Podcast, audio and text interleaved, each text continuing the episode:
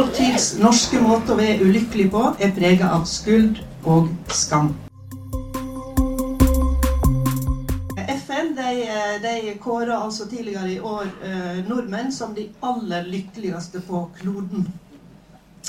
Så vi har det fra ja.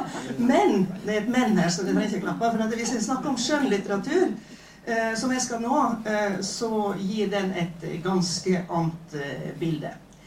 Det norske folk, sett gjennom den nye litteraturen, er ikke utprega lykkelig. Men det er som kjent mange måter å være ulykkelig på, og det er da det blir eh, virkelig interessant. For hvis du da er ulykkelig i verdens lykkeligste land, da er du en skikkelig taper. Jeg mener, Om du er ulykkelig i Tsjad eller i Syria, så har du liksom veldig klare og gode grunner. Men, eh, men det er verre her, da. Og hvis du er ulykkelig og, og, dette her gir jo en type skamfølelse. ikke sant? Du klarer ikke engang å være lykkelig i verdens lykkeligste land. Um, men hvis du er da ulykkelig og skamfull, men likevel ikke der at du vil dele godene du har, med de som ikke har så mye, ja, da er du jo i tillegg et dårlig menneske. Og det skaper skuldkjensle. Vår tids norske måte å være ulykkelig på er prega av skuld og skam. Men eh, dermed er ikke alt sagt om den nye norske litteraturen. Og jeg har nesten sagt heldigvis. Eller jeg har sagt heldigvis. eh, så om jeg skal karakterisere denne litteraturen med få ord, så må det være at han i tillegg til å være ganske svart, har en eh, til tider rå, til tider sofistikert sans for humor. Og et skarpt blikk for det som skjer i samfunnet, og ikke bare i eget kjensleliv. Og da må jeg nesten egentlig arrestere meg sjøl med en gang, for kjensleliv er jo ikke bare. Og sjøllitteraturen det er en av de plassene der en kan gå inn i andres kjensleliv uten å spionere. Og gjennom å gå inn i andres kjensleliv så kan en jo både eh, leve seg mer inn i hvordan andre folk kan ha det, og kanskje også få litt innsikt i sitt eget. Eller trøst. En er ikke alene. Eh, jeg skal her i all hovedsak snakke om bøker og forfattere som har debutert etter år 2000. Og de driver med litt andre ting enn det generasjonene før de har eh, drevet med. Og her er det jo snakk om tendenser. altså Det er aldri snakk om absolutter i litteraturen. Det er alltid bare tendenser. Egentlig så er det jo et salig rot, for å være helt ærlig.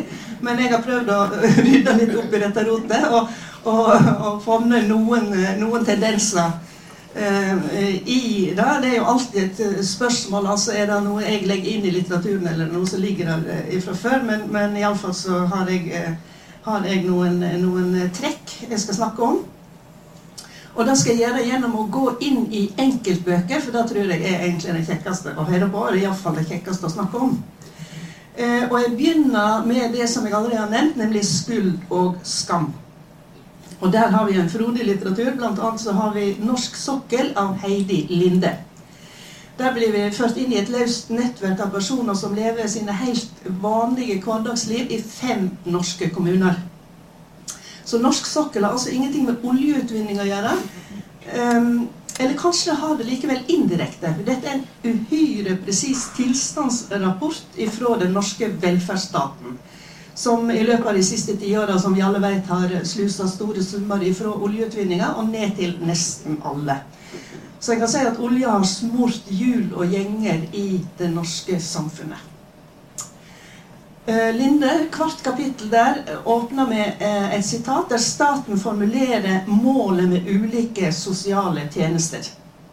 Vi får høre at Målet er å redusere negative konsekvenser av rusmiddelbruk for enkeltpersoner, for tredjepart og for samfunnet. Og vi får vite eh, at forskrifta om eldreomsorg har som formål å sikre at eldreomsorgen tilrettelegges på en slik måte at dette bidrar til en verdig, trygg og meningsfull alderdom.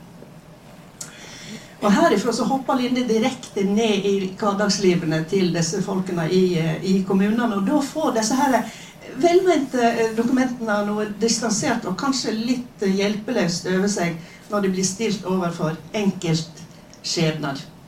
Ikke slik at staten eh, driver med store ord og fett flesk og lar, lar folk vansmekte. Staten gjør sikkert så godt han kan, sånn jevnt over, men livserfaringer som rus eller tap av foreldreretten eller gamle foreldre som ikke lenger er i stand til å ta vare på seg sjøl, det er jo vanskelige ting å takle. Det handler om grunnleggende menneskelige erfaringer. Og sjøl om det fins allmenne velferdsordninger som skal liksom gjøre at en kan leve med det uutholdelige, så fins det liksom ingen kur for verken aldring eller tap eller sorg eller alt det andre som rammer oss før eller siden. Ta Ragnhild, som hele sitt voksne liv har strevd med å hindre katastrofer og skjule skamma over at mannen hennes er alkoholiker. Mye av identiteten hennes er knytta til det at hun har holdt uh, familien sammen. Uh, og hun syns nok strengt at hun ikke har fått så mye tilbake av, av, uh, av kjærlighet og omtanke som det hun fortjener. Da. Så hun er liksom på, på minussida der. Men når mannen da plutselig vil skrive seg inn på rehabilitering, så blir alle glade, bortsett fra Ragnhild. Eh, hun frykter på en måte å miste sin kjæreste uro. For hvem er Ragnhild om mannen hennes ikke lenger er avhengig av henne? Dessuten så vet vi jo alle at eh, helsevesenet er fullt av kvinner. Og, eh, og det kan jo også være en risikabel eh, arena å kaste mannen ut på. Eller ta Tale, som drar til Hellas på ferie, men blir slått av at det er så mange fattige folk der. Tale føler at hun må hjelpe, men hun kløner det stort sett til. Hun skammer seg over at hun er hvit og rik, mens mannen sier at hun er jo egentlig hvit og rik også når hun bor hjemme. Men hun føler det litt sterkere der, og hun har også en sånn eh, idé fra ungdommen av at hun skal berge verdens fattige fra, fra nød og elendighet. Eh, men hun har ikke egentlig gjort noe særlig med det. Eh, så i stedet for så lusker hun rundt i Hellas med elendig feriehumør og penger i alle lommer for liksom å, å, å strø rundt. En siste mann fra denne boka, som er utrolig god bok og veldig god illustrasjon av, av hva, som, hva som rir folket. Eh, det er den vellykka tobarnsfaren Christian som har oppnådd alt han så for seg og mer til her i livet. Men det er liksom noe som mangler. Eh, og så ser han da på Facebook at en ganske fjern venn har fått kreft. Og da treffer liksom en nerve i han og lever seg inn i dette her. her. Han forsøker å forestille seg den nye tilværelsen, frykten for døden, det intense ønsket om gode nyheter. Han og Synnøve i senga om kvelden, tett inntil hverandre. Synnøve som sier dette skal vi stå i sammen. Og det eneste de drømmer om og ønsker seg i hele den vide verden, er dette. At en lege med myndighet og overbevisning skal si 'Du er kreftfri'. Kristian blunker gjennom og tenker 'Jeg er jo kreftfri'. Det skal sterk rygg til å være gode dager i verdens lykkeligste land. Og de som ikke kjenner seg igjen på noe punkt i, i, i denne romanen, jeg tror ikke jeg egentlig er helt ærlige. Men det disse folkene bærer på, eh, hver for seg, det er skammelige ting. Du kan ikke ønske at mannen din skal fortsette å være alkoholiker.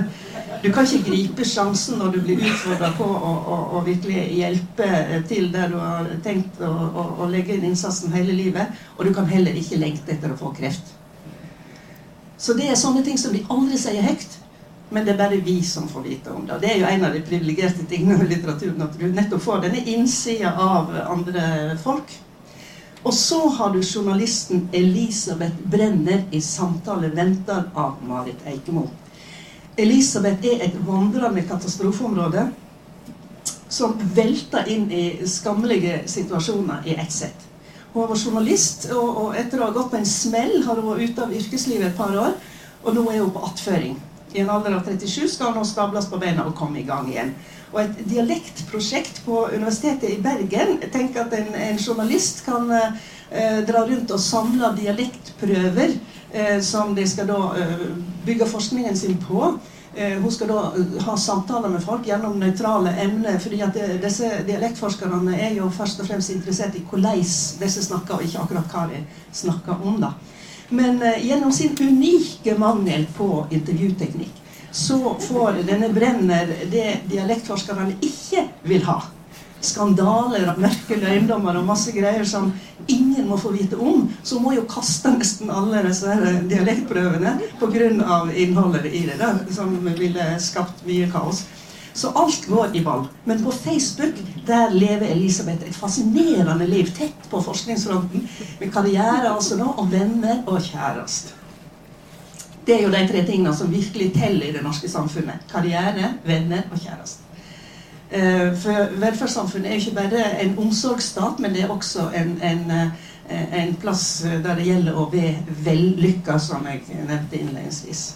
Så tilstanden i den norske velferdsstaten er altså krevende på litt sånn diffuse, diffuse måter. Eh, det som har skapt de store debattene i år og i fjor og flere ganger gjennom det siste tiåret, er den sjølbiografiske litteraturen og etter hvert den såkalte virkelighetslitteraturen. Og en kan få inntrykk av at det er dette forfatterne virkelig skriver om nå for tida. Og Derfor så ble jeg overraska når jeg begynte å samle denne aller nyeste litteraturen. Ehm, eh, for å se på uh, hva de drev med, og fant ut at det var svært lite av dette blant de nyeste forfatterne. Jeg vet ikke om jeg sa det, altså jeg skriver om de som har debutert etter 2000. Um, den sjølbiografiske romanen det er en sjanger for uh, de halvgamle. Uh, unge forfattere skriver sjelden om seg sjøl, iallfall ikke på en sånn måte at en kan finne ut av det med egen navn inne i teksten. Det fins noen få, og der iallfall i de som er interessante, der er det kobla til sykdom.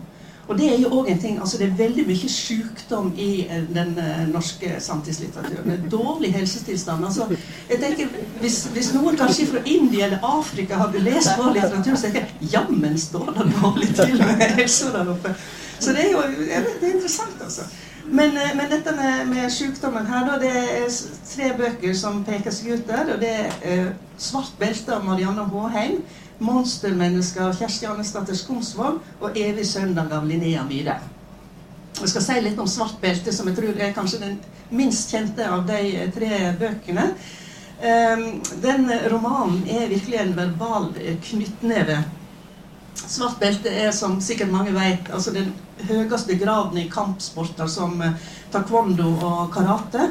Eh, og det er de to stiler. Altså Hun kjemper for å nå toppmålinger på sjølkontroll og båndmålinger på vekta, for hun er en anorektiker.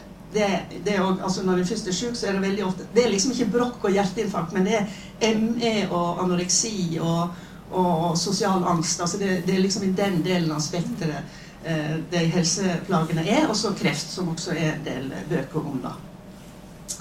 Eh, men Marianne er anorektiker, og styrken til forfatteren er at hun lar desperasjonen og galskapen gå over i språket. Eh, og jeg skal lese et par avsnitt av de, de fryktelige ting, altså. Um, jeg held meg fast i ryggsøylefallet og kragebeinsbogen, roer skjelvende hender mot magesøkket og hoftebeinsryggene, finner meg sjøl i skuggen under kinnbeina og tausheita mellom låra, konstaterer framgang med hårtjafsene mellom fingrene og rallinga i tarmene. Eller der slankinga av kroppen ikke går fort nok og hun må ty til andre metoder. Jeg dreg i hua på leppene til det bare er glinsende rett att. Fotsolene må splittes med saks. Hudstykker som losnar er så store at jeg sorterer dei som matavfall. Kroppen sukker og slipper hua. Kjøtet syng når det møter lufta. Jeg fyller kompostbingen med substans jeg ikke trenger. 'Svart belte' er en kort roman som handler om hva som skjer med hovedpersonen. Altså Hun må slutte på skolen, gå gjennom behandlinga, bli innlagt, familien vet ikke, sier arme råd, hjelpeapparatet prøver å finne utveier. Men vevd inn i denne sånn utenfra sett historia, så er da historia om eh, anoreksien sett innenfra. Og der er det slik at hun må stålsette seg imot de som vil ha henne til å gi opp det storslåtte prosjektet om å etablere motstrategier for, for, å omgå de utspekulerte planene til hjelpeapparatet. Den store, steile retorikken går på å mestre og løsrive seg og bli fri. Men så går det gradvis opp for henne at i enden av det løpet hun legger opp til, så ligger ingenting annet enn døden. Sigeren jeg har kjempa for, fins egentlig ikke. Og dermed så må kampen ta en ny retning, og da blir det en kamp inni henne sjøl, der, der, hun, hun eh, må, eh, må, på en måte eh, justere rett og slett fiendebildet sitt. Eh, så disse to sfærene kolliderer eh, inni henne. altså denne eh, ideen om sele stunder som hun skal oppleve når hun har liksom nådd det ultimate punktet, og det at hun sier men det går ikke an å nå et ultimat punkt, for da er du død. Um, dette er altså, som jeg sa, en knallhard melding om de kampene som kan herje et svært ungt menneske. Det handler Nei, det starter med den isolert sett banale innsikta. de tynne låra er alltid finest. Men konsekvensene av at den ti år gamle Marianne får denne innsikta og tar grep i 13-årsalderen, de er langt fra banale.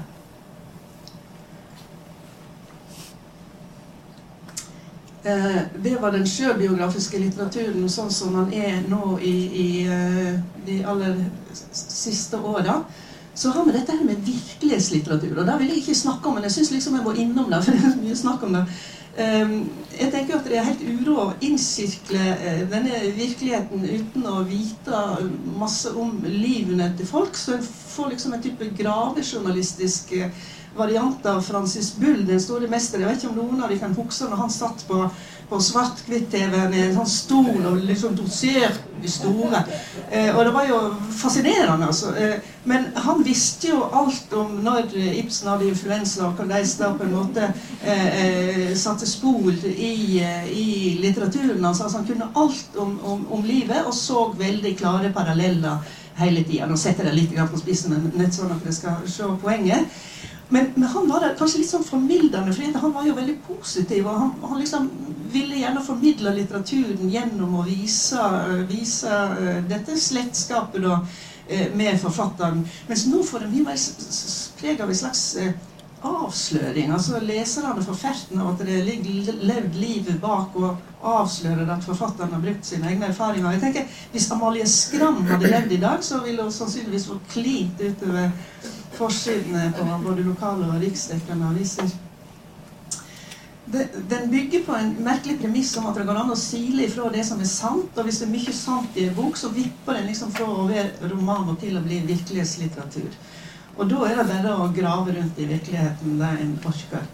Ehm, jeg tror vel helst at de som dikter med utgangspunkt i eget liv, de lar diller og idiosynkrasier og fantasier og drømmer og nøye tilskårne sanningsbrokker føye seg sammen til noe som verken er løgn eller sanning, men som rett og slett er dikting, litteratur. Jeg tenker at det er siviliserende å søke etter det som teksten sjøl sier. Der hovedpersonen ikke har samme navn som forfatteren, der kan jeg lese det som en roman. Jeg ser på den som en sivilisert eh, eh, innfallsvinkel eller holdning Eh, men eh, nok om dette, som det heter. Eh, dette er ikke noe som, som de nyeste er særlig opptatt av. det jeg har funnet ut av. Så jeg hopper videre til andre tendenser som står tydeligere i den nyeste litteraturen. Og i den boka som ble nevnt, som heter 'Oppdateringer fra Lykkelandet', der har jeg en åtte-ti tendenser. Og i stedet for å gå liksom inn i alle, så har jeg valgt noen få. Um, og nå har jeg jo nevnt altså skuld og skam, og så har jeg nevnt sykdom. Og nå vil jeg gå over til å snakke om naturen. For naturen er nemlig tilbake i litteraturen etter å være ganske fraværende i flere eh, tiår. Og grunnen til at den kommer tilbake, er naturligvis at eh, vi nå har et problem, nemlig klimakrisa. Vi kan ikke lenger ta naturen sånn som vi kjenner den for gitt.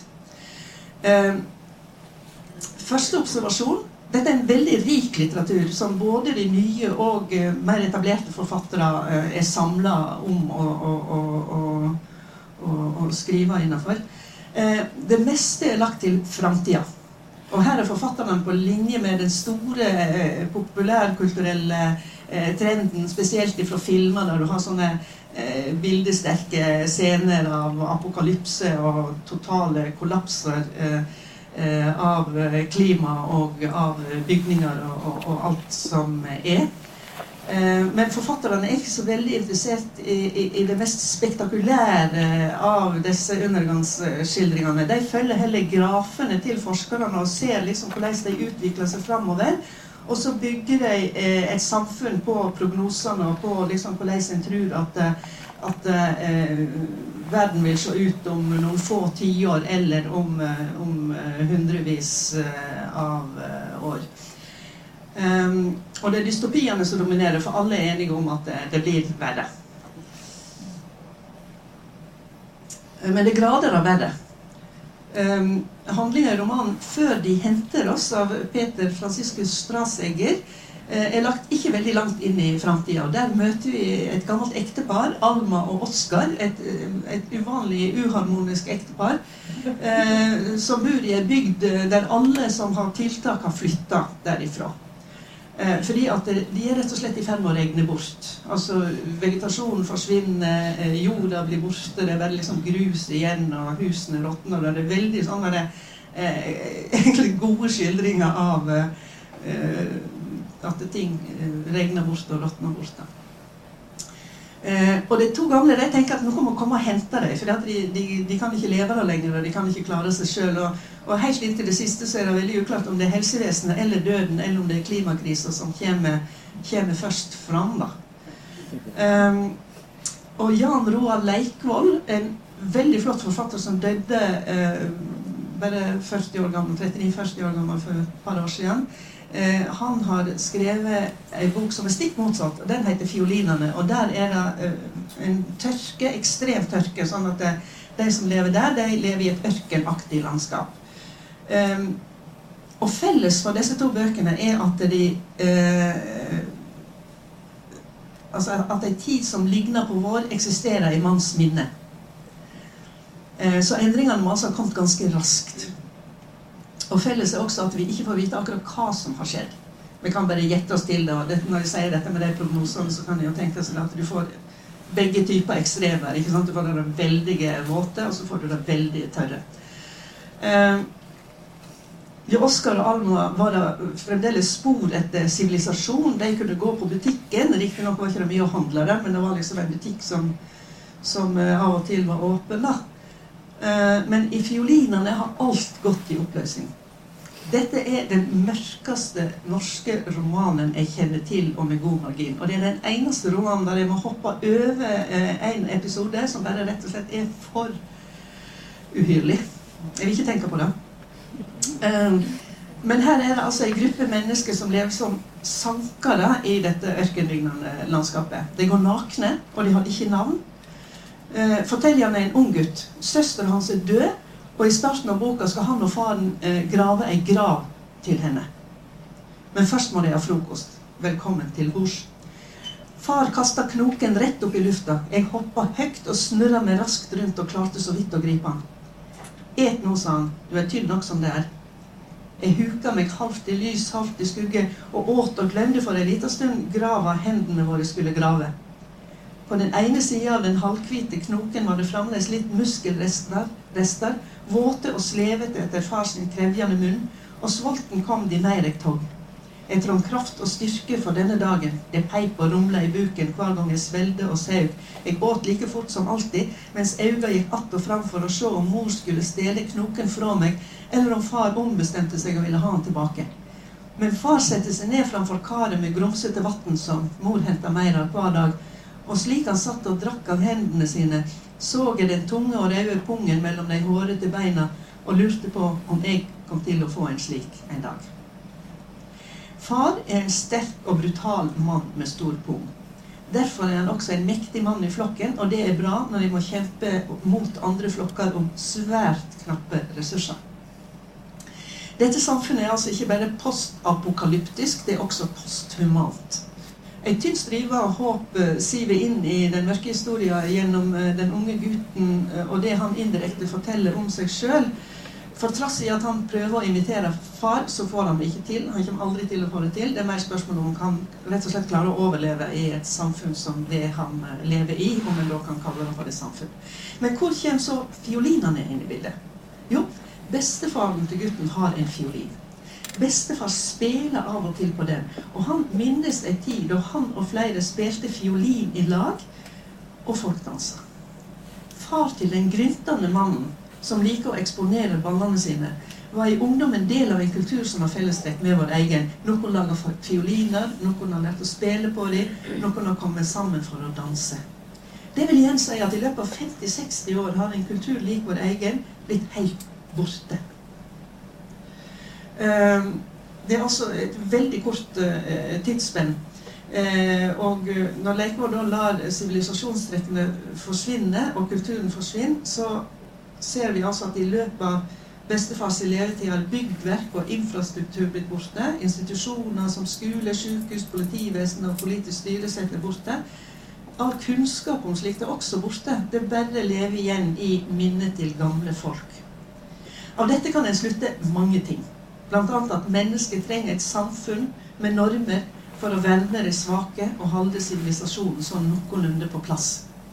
Vi blir ikke edle naturmennesker av uh, å, å, å, leve i et samfunn uten, uten uh, kultur og sivilisasjon. Vi blir brutale bøller eller redde undersåtter. Og dette fallet kan det altså gå svært raskt hvis vi skal følge, følge han eh, Leikvoll. Og dette er typisk for mange av de nye forfatterne. De interesserer seg for, hvordan en skal holde barbariet eh, i taumene og utvikle, eller iallfall ta vare på sivilisasjonen. Menneskenaturen bør en ikke satse på og stole på i dette arbeidet. Og her har det skjedd en markant endring på uh, en generasjon, altså. Uh, jeg tenkte på det i går når jeg satt og hørte på Susanne Brøgger og Nina Bjørk. Det var kanskje noen av dere som var og hørte på dem sammen med Ebba Witt Brattstrøm. Eh, og da ser du også Susanne Brøgger, som, som på 70-tallet eh, hadde en veldig sterk frihetsideologi. altså Ikke minst den seksuelle friheten var en, en, en veldig sentral del i hennes, eh, hennes eh, tenking og, og, og praksis. Mens Nina Bjørk, som er en liten generasjon yngre, hun var veldig opptatt av å ta vare på, altså bygge opp igjen de veggene som 70-tallet hadde, hadde, slått ut, og prøve å verne om eh, familien osv. Noe som Susanne Brøgger på en høflig måte eh, kanskje sa at uh, var kanskje mer aktuelt nå enn da. Men, men, men eh, altså det, det, det, var helt klart noen spenninger, spenninger der. Um, så, så det var jo altså ei, lita sløyfe her. altså Nå gjelder det mer å, å, å, å bevare og,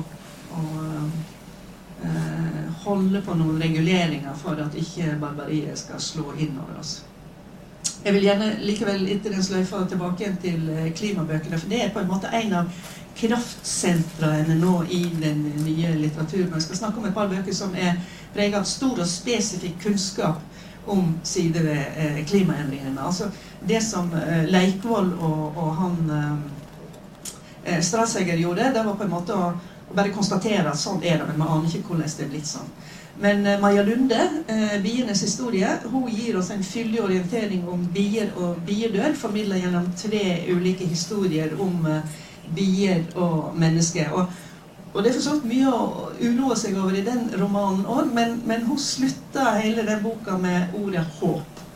Um, og det, det, er kanskje litt fordi at hun har en fortid i, i, uh, ungdom, som ungdomslitteraturforfatter. Jeg tror hun tenker at en må liksom en kan ikke slutte i det svarte. En må liksom uh, dra det inn i håpet. Men det er ellers mye å, å bekymre seg over i, i, boka hennes. For det spørsmålet hun stiller spesifikt, er hva som skjer når biene blir borte og hva vi kan gjøre for å hindre at det forsvinner. Så dette er jo tendenslitteratur, rett og slett. Eh, og Boka har tre hovedpersoner som kommer fra hver sitt kontinent og fra hver sitt tid. Det er den britiske William i 1852. Det er George fra Ohio i 2007 som opplever biedøden. Og det er Tao som skal prøve å overleve i Kina i 2098, altså da inn i framtida. Og denne Kina-delen eh, den handler om at her overlever folk så vidt det er. altså Jeg tror Europa er ikke det så mye mer igjen men i Kina der har regimet greid å organisere massene til å drive håndpollinering for å holde oppe et eh, minimum av matproduksjon. Og pollinering det er en oppgave som sikkert er helt fin for, eh, for bier, men for mennesker så er det et ekstremt tungvint og, og monotont arbeid. Ellers. Jeg var plassert på felt 748 i dag. Av hvor mange? Jeg visste ikke.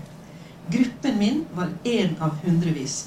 I de beige arbeidsdraktene var vi like ensartede som trærne. Og like tett på hverandre som blomstene. Aldri alene, alltid sammen i flokk her oppe i trærne, eller vandrende langs hjulsporene fra ett felt til det neste. Bare innenfor veggene i våre egne små leiligheter fikk vi være for oss selv noen få korte timer i døgnet. Ellers var hele livet her ute. Og jeg vet ikke, Den scenen den gir jo ikke bare assosiasjoner til biesamfunn, men også til en del filmer og TV-serier en har sett ifra eh, totalitære regimer som lager eh, sånne fangeleirer eller gulag-leirer. Eh, her er det hardt arbeid i triste uniformer, eh, det er streng overvåking, og det er svært lite informasjon. Framtida, er ikke digital. Den er ikke engang elektrifisert. Den er lokal, og den er manuell. Mette Karlsviks roman 'Den beste høsten etter monsun' er som bienes historie preget av svært grundig research på flere områder. Og denne boka den er i ren nåtid. Der skiller den egentlig ut. altså Det er ganske få bøker som er bedre i nåtid. Ehm, den, den her er delt i to. Eh, og Den første og lengste delen av boka det er sett gjennom en norsk kvinnelig jagerpilot som er stasjonert på en Nato-base i Sikkimsdalen i Himalaya. Eh, hun kaller seg Venor, og hun elsker å fly jagerfly, for det, da føler hun at hun, som er ganske lita og sped kvinne, har kontroll over veldige krefter. Og klimaet får så vidt lov til å streife tanken hennes, sånn som her. Skjermen min omsetter luft til lys og tall. Hun er nå oppe i, i denne, dette jagerflyet. Maskiner som er fly, endrer sola og lufta. Hver liter jetfuel jeg slipper ut, endrer klimaet litt. Tallet er nedslående. Snart tenker England Det går bra, sier flygeleieren. Og så har hun avspora seg sjøl. Men så er den siste delen av boka der er det en lokal tebonde i Sikkimsdalen som har eh, synsvinkelen. Eh, og mens eh, Venor kan tillate seg å bare eh, la eh, Bare slippe egentlig de klimabekymringene sine, så er dette helt essensielt for, eh, for bonden Pasi. For han er de flotte kondensstripene over himmelen, det synlige tegnet på det han kan lese av på bakken, nemlig at jorda blir surere, og de kjemiske sammensetningene i næringsstoffene blir endra i en ukjent retning. Han frykter for at kvaliteten på teen hans, som han mener er verdens beste, skal bli dårligere. Men Passi er uten makt. Endringer i liv og livsopphold eh, ligger i andres hender. Her er, her er passing. Jeg våkna fire timer for tidlig. Det klirrer i gammelt glass. Gigantlyd like over meg. Det må være Nato. Da jeg kommer på beina, ser jeg at glasset er helt. Sotsvarte fingermerker kladder til skyene. Spørsmålet er ikke hvor mye karbon som er i disse sporene. Fotosyntese omdanner CO2 til O2. Bare syntesen som skjer i Sikkens skoger, bruker Sikkens utslipp. NO2 blir omdannet til nitrat i jorda. Vi vet det fra enkle tester av jordsmonnet. Men hva andre stoff finnes i jetfuel? Det er spørsmål vi ikke får svar på. Som, uh, som venord er Pasi lidenskapelig opptatt av jobben sin. Og Karlsvik gir en solid eh, leksjon i eh, de enorme forskjellene på te og te. Um, og videre så blir vi da orientert om disse kjemiske prosessene, om planting og stelling og hausting og tørking og pakking av denne fantastiske teen. Og også til kjenslene Pasi har til dette tidsløpet. Greinene gleder seg til å spire igjen, sier Pasi.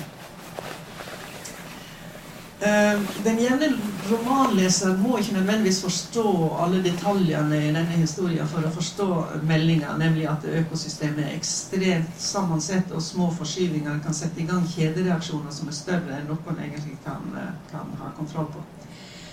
Um, det skal ikke mye til før eh, denne bonden i kanten av sivilisasjonen ryker over ende. Og det nytter ikke med hans eh, kjærlighet til jobben sin eller til hans eh, kunnskap, for det er andre som endrer livsvilkåret hans, og da helt uten at de er klar over det. Um, jeg syns det er sjelden jeg ser så tydelig demonstrert hvor ulik verden ser ut om du ser den ovenfra eller nedenfra. For her blir det på en måte helt bokstavelig. altså Med det jagerflyet og denne bonden som ser på de stripene nå ifra til, til plantasjen sin. Jeg har lyst til å snakke om én klimaroman til. Den eh, heter 'Steffen tar sin del av ansvaret' og er av Christian Valør. Og vi må nok kunne slå fast at eh, denne klimalitteraturen er ikke utprega humoristisk. Altså det, er en, det er en veldig alvorlig litteratur, og det er òg et veldig alvorlig spørsmål. Men, eh, men eh, Valør han eh, drar opp en, en nokså komisk figur og eh, lager mye moro med han. Dette er altså Steffen, som er prega av en overdådig kunnskapsmangel. Så han er på en måte i den andre ytterligheten enn en disse folkene som, som jeg har møtt uh, jo, jo, de to foregående. Uh, Steffen er en nyfrelst uh, klimaaktivist. Og han drar på hytta for å leve klimanøytralt. For på den måten å ta sin del av ansvaret for, for klodens ve og vel. Eh, og disse dagene på hytta blir en eh, tragikomisk farse. For den hytta til familien til Steffen det er liksom ikke ei koie i skogen, men rikt utstyrt eh, hus med, med, varme i gulvet og TV og WC og til og med en eh, elektrisk boksåpner. Eh, og det er et komplisert utgangspunkt for en som ikke skal bruke strøm eller innlagt vann. Um, han prøver seg på fisketur, det er fiasko. Han prøver seg på peisbål, det er fiasko. Og han ender med å liksom økse eh, i, i, hyttehermetikken og ete han uh, kald i, i uh, Der han sitter i nesten stummende mørke om kvelden. Um, av mer globale aksjoner som man vurderer, er å sende familiens teakmøblement tilbake til regnskogen. Så dette isolert sett heroiske prosjektet eh, det stranda fra time én eh, av eh, åpenbare grunner. Steffen har ikke peiling. Kjersti har sagt at hver gang du trekker ned i do, bruker du like mye rent vann som ett barn i Afrika kunne levd på i ett år. Eller en uke eller en dag. Uansett tidsperspektiv. Jeg må bæsje utendørs. Steffen aner altså ikke noe om eh, proporsjoner eller sammenhenger, og, og handlingene hans blir symbolske offer som, som, på ingen måte berger barn i Afrika, men som kanskje kan være med å, å oppdra han sjøl. Um, han mangler ikke bare grunnleggende kunnskap om klimakrisa. Um, der kan jo noen hver være litt ute og padle. Men han kjenner heller ikke til floraen og faunaen rundt denne flotte familiehytta. Og han vet slett ikke hvordan han skal bruke og gjøre seg nytte av de lokale ressursene. Uh, naturen er liksom ikke på parti med dette velmenende handlingsmennesket. Eh, naturen er tvert imot eh, mørk og kald og svært lite innstilt på å åpne favnen for eh, Steffen, som vil så vel, eh, og som vil, eh, vil leve da, dette karbonbalanserte livet. Eh, den svenske forfatteren Kjerstin Ekman sa i et intervju for en tid tilbake at menneskene er sådanne. Vi behøver vite navnene på tingen for å være redde om dem. Annars blir alt bare et sudd. Tingen må få et navn for at vi skal vise omsorg for den. Litteraturen kan være med på å lære oss navnene og alt det som finnes, på alt det som fins i naturen, og slik løfte tingene opp av dette suddet. Altså, da får tingene en identitet og noen egenskaper som gjør at det, det blir en, en, del av vårt liv. Enten vi nå snakker om markblomster eller bier eller ørner eller tropevinder. Men Steffen han er i dette suddet. da.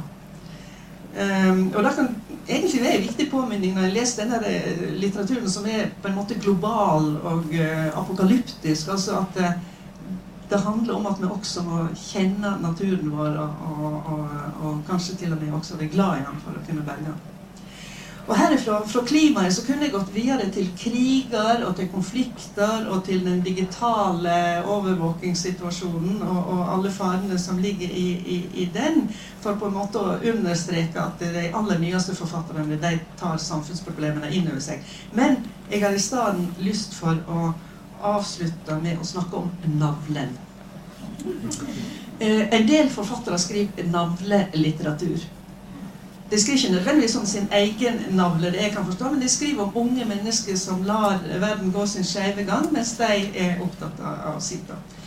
Jeg vil rehabilitere navlen her på slutten, og jeg vil eh, si at den er, kan være et riktig godt utgangspunkt for å skrive god litteratur. Eh, romaner om folk som piller navlelot, har nemlig forbløffende ofte samtida på kålene. Og det handler ikke bare om det de forteller, men kanskje minst like mye om det de ikke forteller. Og med navlebøker det hadde sikkert allerede skjønt, men da mener jeg altså bøker som lager svært små rom både for handling og tanke, og der fortelleren stort sett sirkler om seg og sitt. Eh, og navle er jo da selvsagt litt i overført betydning. Det trenger ikke bokstavelig talt å, å, handle om navlen. Den typiske navlepiller han står utenfor yrkeslivet. Han eller hun er uten kjæreste eller samboer. De lever ofte i presens i nåtida.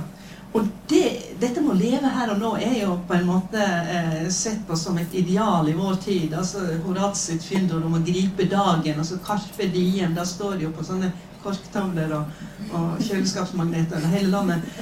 Men, men eh, det er jo litt sånn at det travle nåtidsmennesket må minne seg sjøl om å leve i nåtida i et stressa og aktivt eh, liv der det handler om å være proaktiv og framtidsrettet, så må du liksom ikke glemme dagen i dag og det her vi lever og sånn. Mens disse romanpersonene som jeg skal snakke om i dette, denne, denne bolken, de eh, lever fra dag til dag på en litt annen og mindre prestisjefylt måte.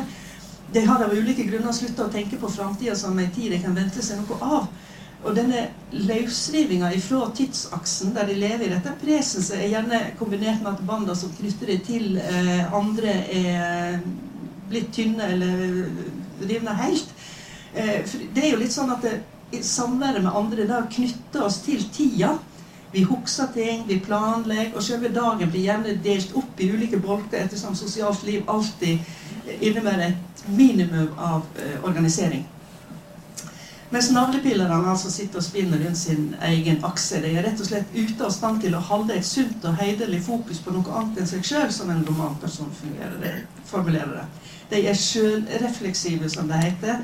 Og dette er en tilstand som sosiologer og psykologer har skrevet bindsterke verk om. Et døme her, og det er romanen 'Rastløs' av Kenneth Moe. Han fikk Vesas Vesaas debutantpris for den i 2015. Det handler om en ung mann som stenger seg inne på rommet sitt. Han har kjærlighetssorg, og han skal skrive en bok om det. Og 'Rastløs' den sier noe om samfunnet han har stengt ute, om hva som skjer når mennesker ikke lenger har samkvem med andre. Ta setninga 'Jeg sitter visst på en peanøtt'. Her må du se det for deg. En ung mann alene på rommet sitter i en stol, kanskje med laptopen i fanget. Han trøster seg med peanøtter. Det er en typisk trøstemat. Han misser en peanøtt ned i stolen og kjenner etter hvert at han sitter på noe. Som en prinsesse på erta kjenner liksom at det er noe under låret. Hvor lenge må du sitte på en peanøtt før du kjenner at det er noe der? Uten å ha testa så tror du du må sitte en stund før du merker det. Iallfall hvis du har bukse på. La oss nå forutsette at selv om han er alene på rommet og han trekker seg unna verden, så har han tatt på seg bukse. Han har altså sittet der en stund laptopen, eh, med laptopen i fanget, i stolen, med peanøttene, og så oppdager han peanøttene. Kanskje han har skrevet ivrig en periode, og så lander han liksom og merker rommet også den peanøtten. Det er altså situasjonen. Og ikke nok med det. Denne hendinga, som vi kan kalle for peanøtthendinga, den skriver han inn i boka. Slik at jeg og alle som vil, kan lese dette mikrodramaet. En ung mann sitter på ei peanøtt.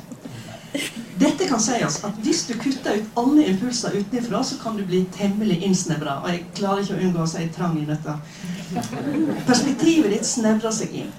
Den unge mannen må tenke at peanøtthendinga er noe som andre folk har interesse av å lese. Sitte på en peanøtt, ja, det var greier.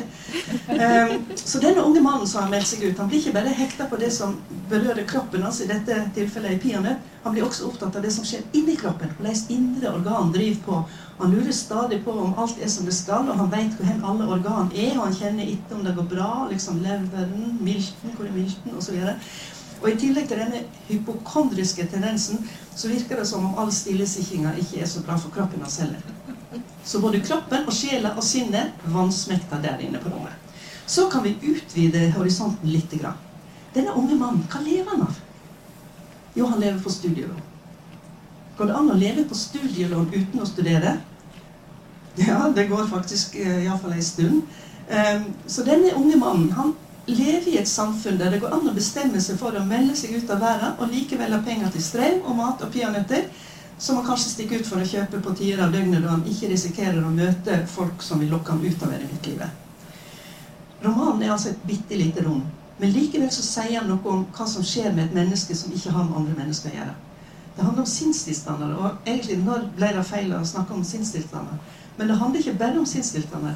Det handler også om et samfunn som gjør at det går an å trekke seg tilbake.